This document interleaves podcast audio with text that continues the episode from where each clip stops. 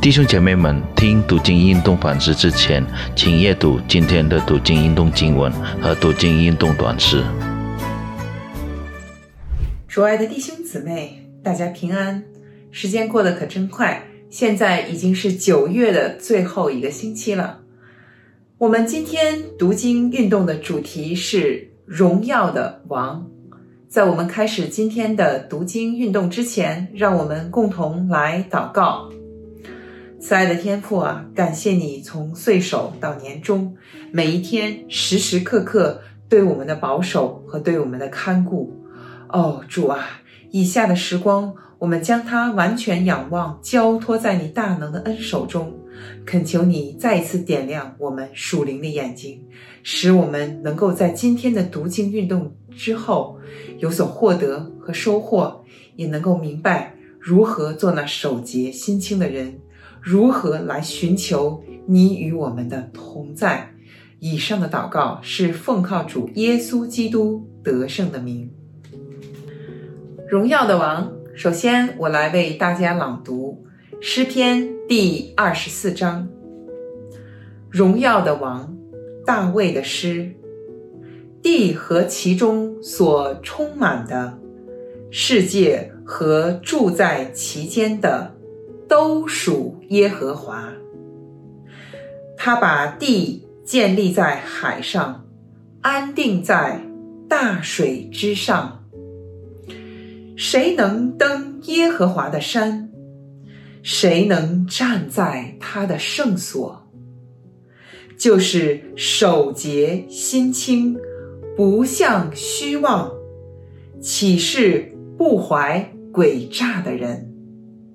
他必蒙耶和华赐福，又蒙救他的神使他成义。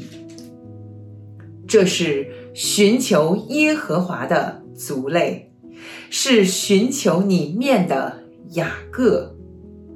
众城门呐，你们要抬起头来。永久的门户，你们要被举起。那荣耀的王将要进来。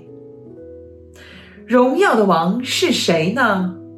就是有力有能的耶和华，在战场上有能的耶和华。众城门呐，你们要抬起头来。永久的门户。你们要把头抬起，那荣耀的王将要进来。荣耀的王是谁呢？万军之耶和华，他是荣耀的王。上帝对我们有什么期望呢？我们又怎样才能够讨他的喜悦，与他同住呢？谁能来到耶和华面前？上帝会承认什么样的人成为他的子民呢？诗篇第二十四篇提供了答案。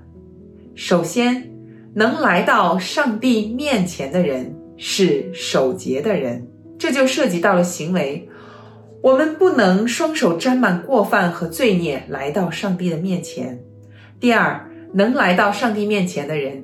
是心清的人带的干净是不够的，我们内在也必须由圣灵来再次洁净，我们的思想、意图和动机也必须在神面前是纯洁的。第三，能来到上帝面前的人是不像虚妄的人，不像的像这个字意味着相信、支持某件事情。向着虚假的事物，就是相信谎言，相信偶像。我们撒谎是为了得到我们想要的东西。当我们撒谎，要意识到谎言是从心里开始的。我们崇拜虚假，通融谎言，来为自己得到自己想要的利益。第四，能来到上帝面前的人，是不起假誓的人。这是从我们的心开始，到我们的言语，我们的言语包括我们所说的话，以及我们所写的话。上帝显然要求进入他至圣所的人具备纯洁和公义的一切的品质。上帝圣洁和完美的道德也要求他的子民过圣洁的生活，并得体的亲近他。与上帝的关系是建立于他子民的纯洁，追求纯洁圣洁的生活的上帝的子民，必蒙耶和华赐福，又蒙救他的上帝使他成义。诗篇二十四篇以欢迎荣耀之王的到来作为结束，祭司们将与百姓一起以起应方式。吟唱着这首赞美诗，从圣殿的大门之内，祭司们会喊：“荣耀的王是谁呢？”上帝的子民在门外回应说：“就是有力有能的耶和华，在战场上有能的耶和华。”反之亦然。当大门打开时，他描绘了上帝的子民盼望感受到。上帝与他们同在的热切的渴望。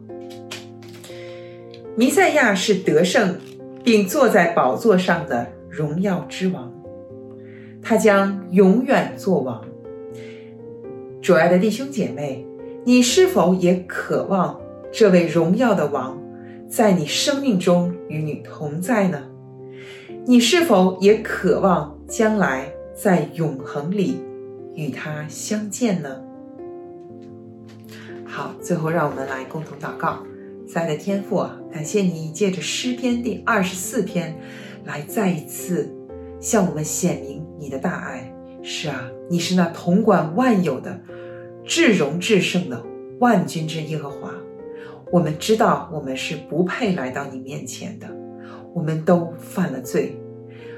主啊，但你的恩典是何等的长阔高深，你依旧怜悯我们，眷顾我们，你依旧赐下你的独生子耶稣基督，为着我们的罪恶，将他钉在十字架上，使他的宝血洁净了我们的罪恶。我们这些时常犯罪的人啊，何等的感恩你对我们的救赎，哦，主啊！如何才能够寻见你的面？如何才能够时时刻刻的寻求你与我们的同在？哦，主啊，愿你的圣灵不断的浇灌我们，提醒我们，使我们能够真真正正的在你面前做那守节心清的人，配得进入你的至圣所，享受你的荣美和你与我们的同在。以上的祷告是奉靠主耶稣基督。得胜的名。阿门。